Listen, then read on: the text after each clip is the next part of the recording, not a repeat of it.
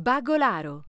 La trasformazione dal verde al rosso delle foglie del bagolaro viene interpretato come il ciclo della vita che va verso la morte e di conseguenza il bagolaro è stato sempre considerato un albero sacro.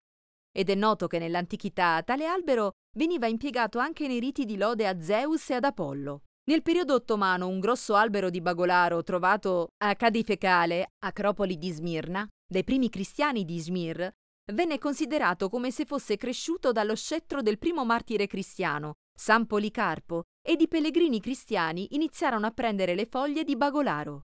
Nel XVII secolo, Evlia Celebi, che vide questo albero sacro, disse di aver girato tutto il mondo, ma che non ne ha visto un albero simile, e disse che questo albero avrebbe caratteristiche curative per 72 malattie.